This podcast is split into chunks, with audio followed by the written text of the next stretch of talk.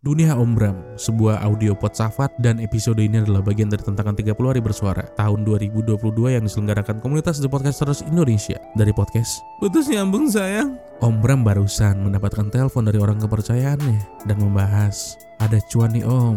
Tentu Om Bram akan mematikan telepon itu.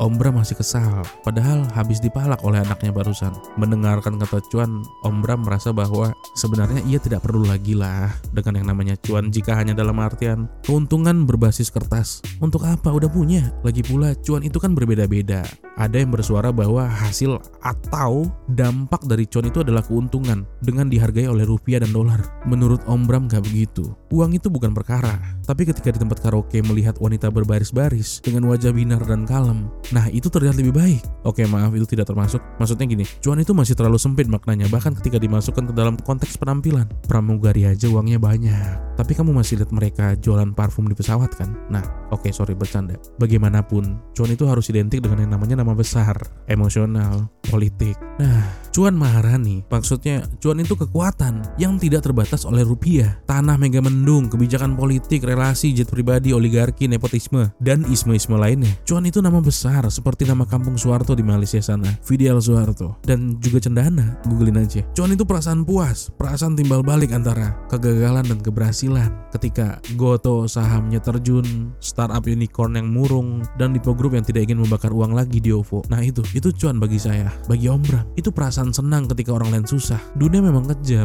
makanya Om Bram menjauhi dunia tipu-tipu ini. Belum lagi bonus-bonus cuan RKUAP. Ada-ada. Naluri manusia yang berbeda-beda itu mempunyai suara yang tidak akan pernah diam dan berdampak pada kehidupan sekarang. Terutama Om Bram ya, dalam hal emosional, pertukaran nomor HP, pindah table dari klub ke klub, rasa ingin dimiliki, rasa ingin memiliki, rasa hadir di mana pun dalam konteks Kama Sutra. Ma maksud saya alam sutra dan perumahan lainnya hari Senin harga naik nggak dan menguntungkan satu sama lain. Om ada, kamu siap ya sudah.